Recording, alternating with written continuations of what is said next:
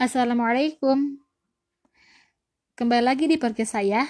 Kali ini kita telah memasuki bab yang terakhir dari pembahasan dalam buku karya Firas Al-Khatib menelusuri sejarah Islam yang hilang. 11. Gagasan lama dan baru.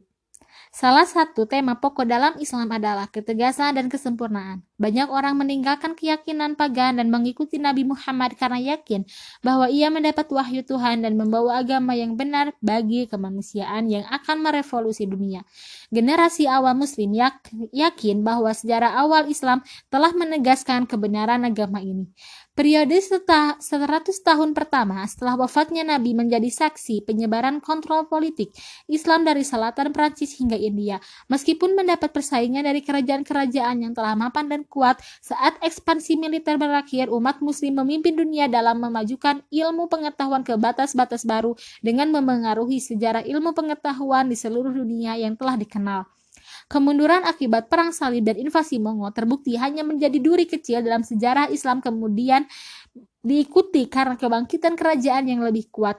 Bagi banyak umat muslim, bukti kebenaran Islam adalah catatan sejarah dan sifatnya yang menakjubkan. Akan tetapi, kemudian kemunduran peradaban Islam dan penaklukan oleh Eropa bisa menjadi masalah teologis. Jika umat Islam memang mengikuti agama yang benar dan sejarahnya membuktikan demikian, lalu apa yang menyebabkan terjadinya kemenangan terakhir Eropa di atas dunia Islam? Sepanjang abad ke-18 hingga ke-20, para cendekiawan muslim akan menjawab pertanyaan itu dengan mencoba menghidupkan Islam kembali untuk mengembalikan masa kejayaan yang telah memperkokoh keimanan banyak generasi. Tak peduli di mana pun berada, para cendekiawan ini memiliki kesamaan ide kembali pada ajaran Islam itu penting demi kebangkitan Islam.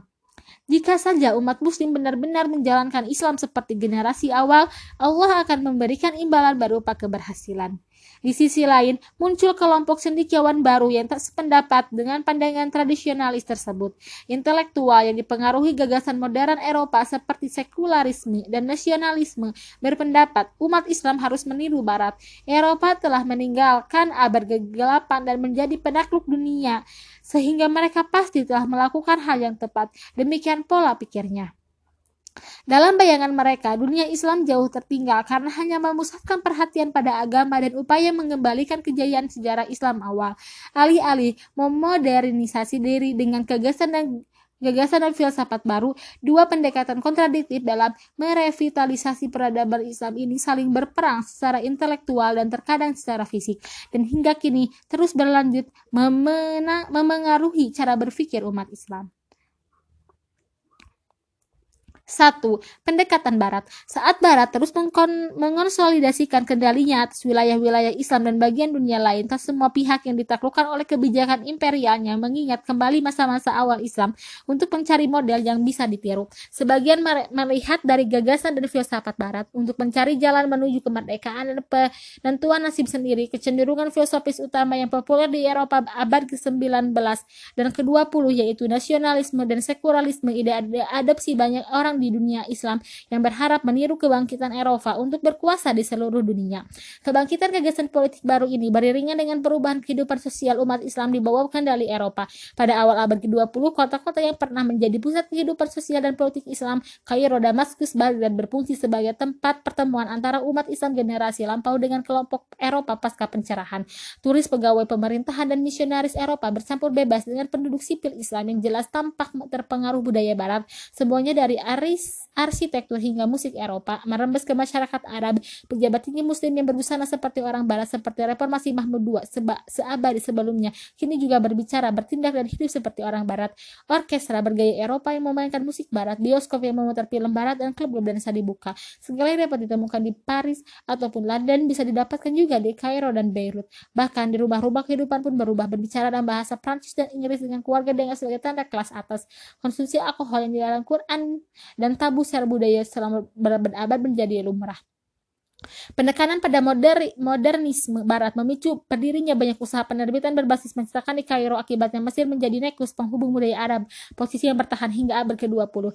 Yang menarik untuk diperhatikan, meski orang Islam terutama di daratan Arab mengadopsi budaya Barat, orang Barat yang tinggal di antara mereka selama puluhan tahun jarang mengadopsi aspek budaya Arab. Di sepanjang sejarah Islam, kota-kota tersebut menjadi tempat pertemuan berbagai budaya, tradisi, dan gagasan. Abbasiyah di Baghdad dan otonom di Istanbul secara khusus berhutang budi pada keragaman orang-orang yang tinggal di wilayah mereka. Akan tetapi pola interaksi abad ke-20 antara timur dan barat sudah berbeda. Dua sisi tersebut tidak berjumpa dalam posisi yang setara. Masyarakat dan budaya Islam tradisional taklukan sekarang diposisikan dengan keterbelakangan dan kelemahan. Realitas politik era tersebut melindapkan kebesaran peradaban Islam sebelumnya di dalam pikiran banyak penduduk kota. Bagi mereka wajar untuk mengadopsi budaya dan norma barat dan meniru kekuatan penjajah. Bersamaan dengan penerimaan gagasan sosial baru terjadilah pengadopsian gagasan barat tentang politik dan pemerintahan.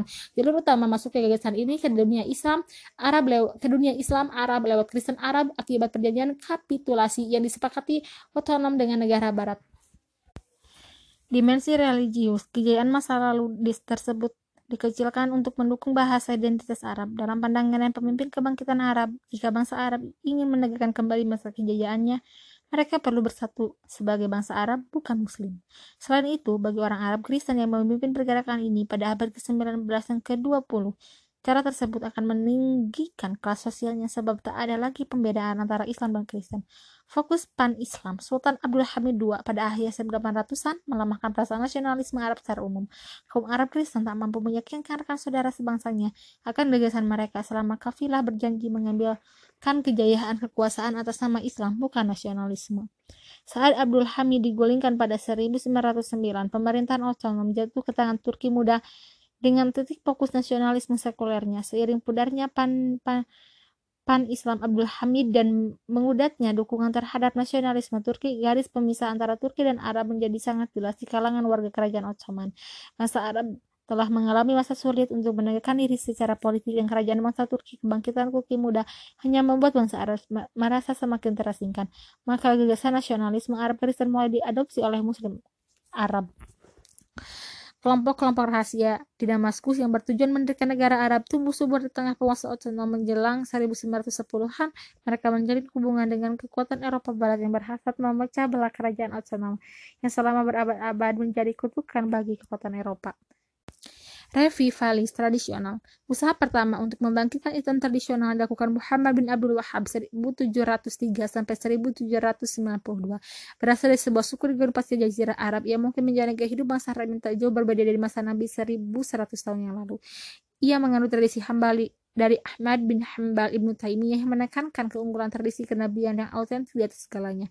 Meski hidup di luar batas-batas kendali kerajaan Ottoman, Abdul Wahab mungkin menyadari kemerdekaan dan kemunduran kerajaan serta kebangkitan bangsa Arab serta kerajaan serta kebangkitan Barat. Ia menis Sufi, Syiah, kaum modernis, dan kelompok lain yang menurutnya telah membuat pembaharuan yang tak islami dalam kehidupan Islam secara umum. Seperti kaum Khawarij pada 600-an Abdul Wahhab dan pengikutnya berpendapat bahwa sebagian besar umat Islam sudah tak beriman.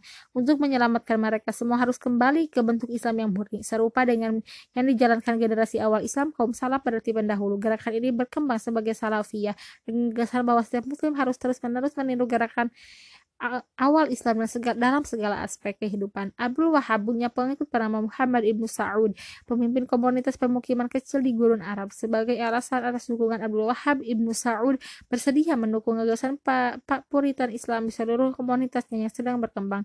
Perjanjian ini terus berlaku setelah mereka berdua meninggal karena keturunan Abdul Wahab memberikan legitimasi religius dan keturunan Ibnu Sa'ad memberikan kekuatan politik di negara Arab.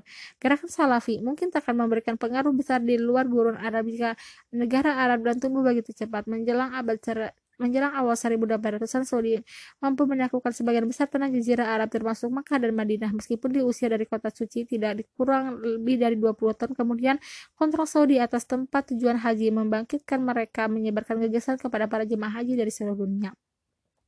Butuh waktu berabad-abad untuk mewujudkan gerakan Abdul Wahab yang bertahan pada 1900-an dengan berdirinya Arab Saudi modern.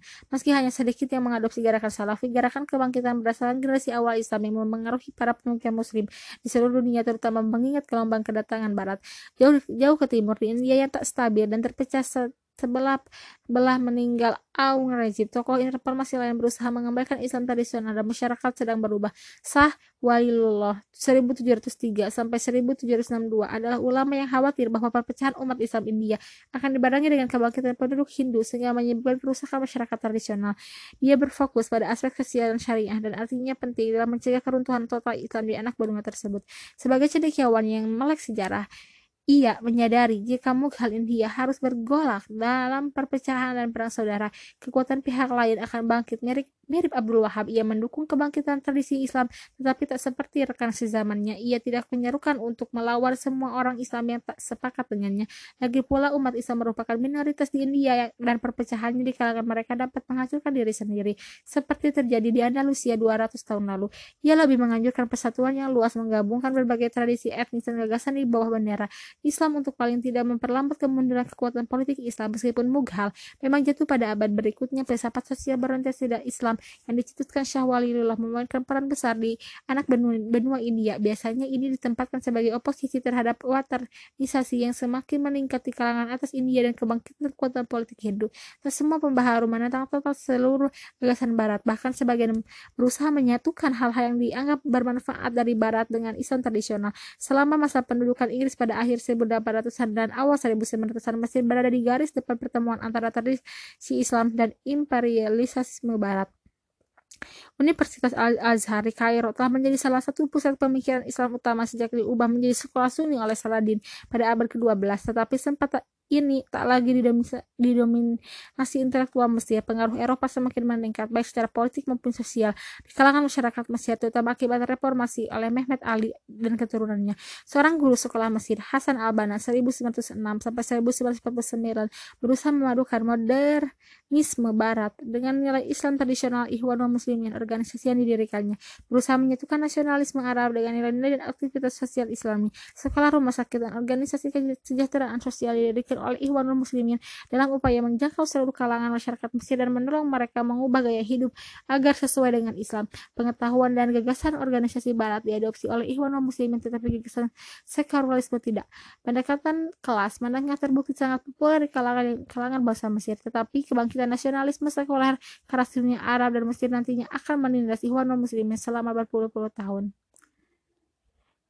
The Partition atau sekat pembagian atau penyekatan? Pada akhirnya, bukan nasionalisme Arab atau Turki yang akan memimpin tentang politik baru di Timur Tengah.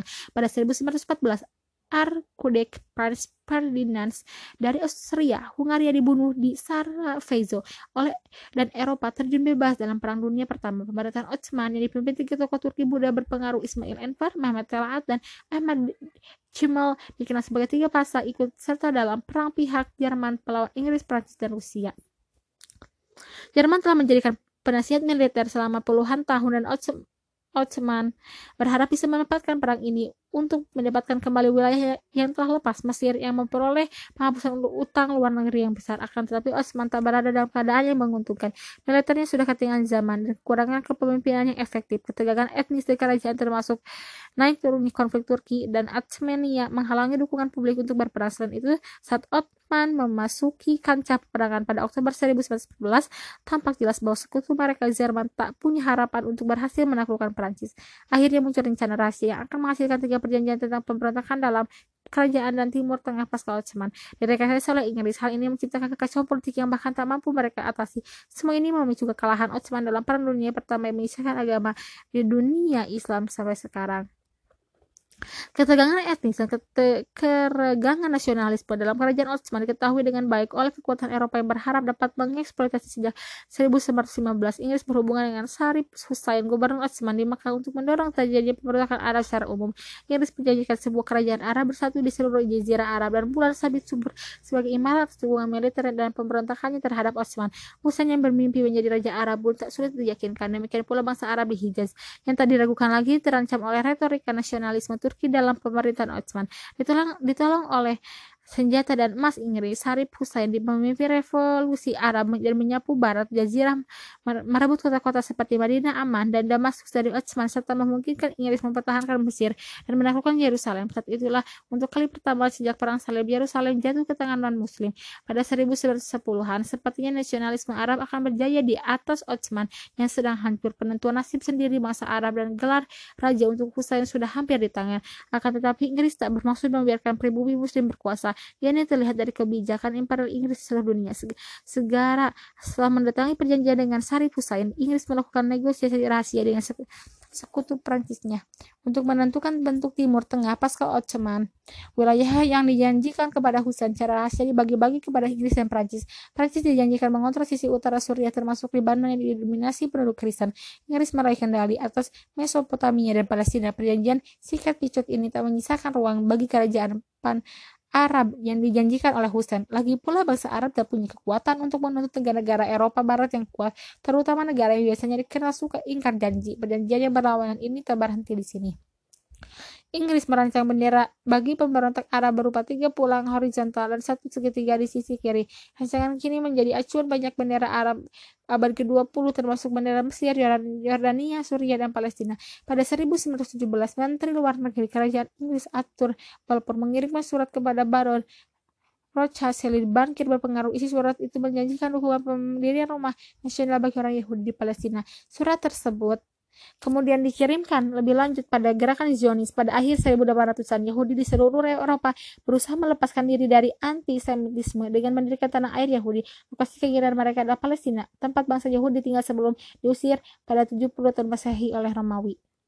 Deklarasi Balfour menjanjikan dukungan atas usaha tersebut meskipun berlawanan dengan perjanjian terdahulu menjanjikan wilayah yang sama bagi bangsa Arab dan Inggris itu sendiri. Pada puluhan tahun berikutnya, bangsa Yahudi akan menggunakannya sebagai bukti legitimasi pemukiman mereka di tanah tersebut yang akhirnya menjadi negara Israel. Sementara itu bangsa Arab menolak sejak awal dengan menegaskan bahwa tanah tersebut telah dijanjikan kepada mereka dalam surat menyurat Inggris dengan Husain. Permasalahan ciptakan Inggris akan mendominasi politik Timur Tengah sepanjang abad ke-20.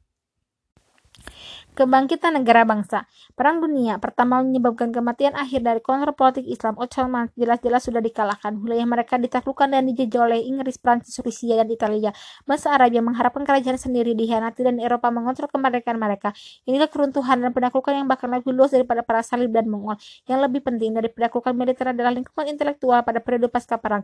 Kebangkitan nasionalisme Arab dan Turki disertai batas acak yang ditarik oleh Eropa pemicu bangkitnya negara-negara seluruh dunia Islam. Konsep nasionalisme Eropa yang dipasarkan kepada masyarakat yang sepenuhnya asing terhadap gagasan ini. Di Madinah, Nabi Muhammad mengajarkan kesatuan umat Islam tanpa memperdulikan identitas bahasa ataupun etnis.